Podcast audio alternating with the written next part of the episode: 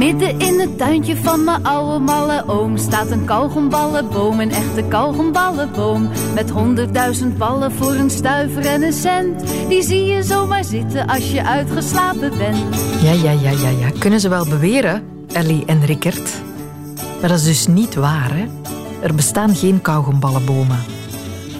Allee, het is te zeggen. Luister, ik ben Sophie Lemaire en dit is een snelle geschiedenis van kauwgom.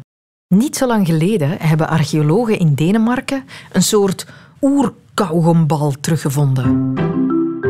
Dat vertelde Greet Draaien van het Centrum voor Agrarische Geschiedenis. Daar hebben ze een bekoude bol teruggevonden. En ze hebben kunnen reconstrueren dat het een meisje is dat daarop gekauwd heeft, 5700 jaar geleden. 5700 jaar geleden, zo lang kauwen we dus al op.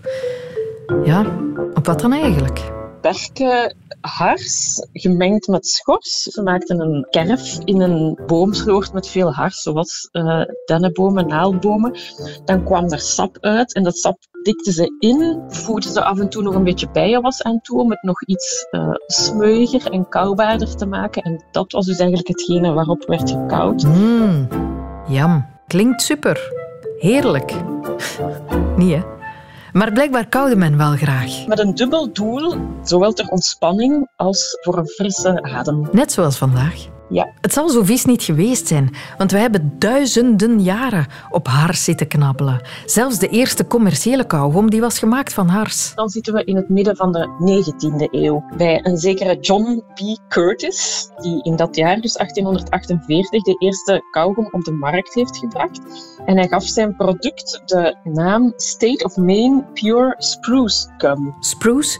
Dat is een soort sparrenhout. Maar twee jaar later heeft hij zijn product dan al aangepast, want in die hars daar zaten soms wel toch nog eens brokjes in of onzuiverheden.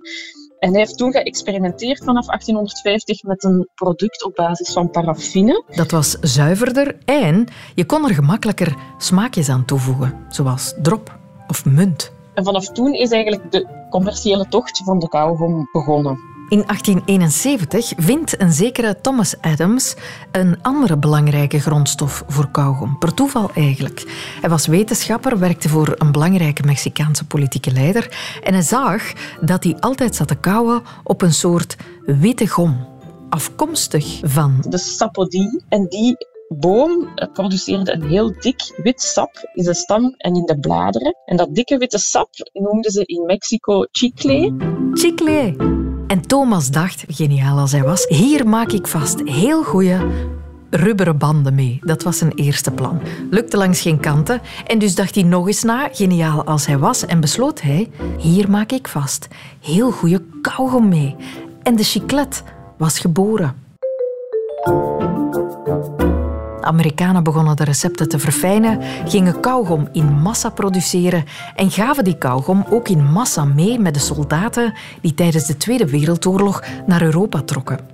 Het is zo'n bekend verhaal. Van de Amerikaanse en de Canadese soldaten die bij de bevrijding kauwgom uitdeelden aan de bevrijde Europeanen, die eigenlijk op die manier eh, het product hebben leren kennen en in hun hart hebben gesloten. En daar zitten die kauwgommen vandaag nog steeds diep in ons hartje en in onze mond. En onderaan onze tafels.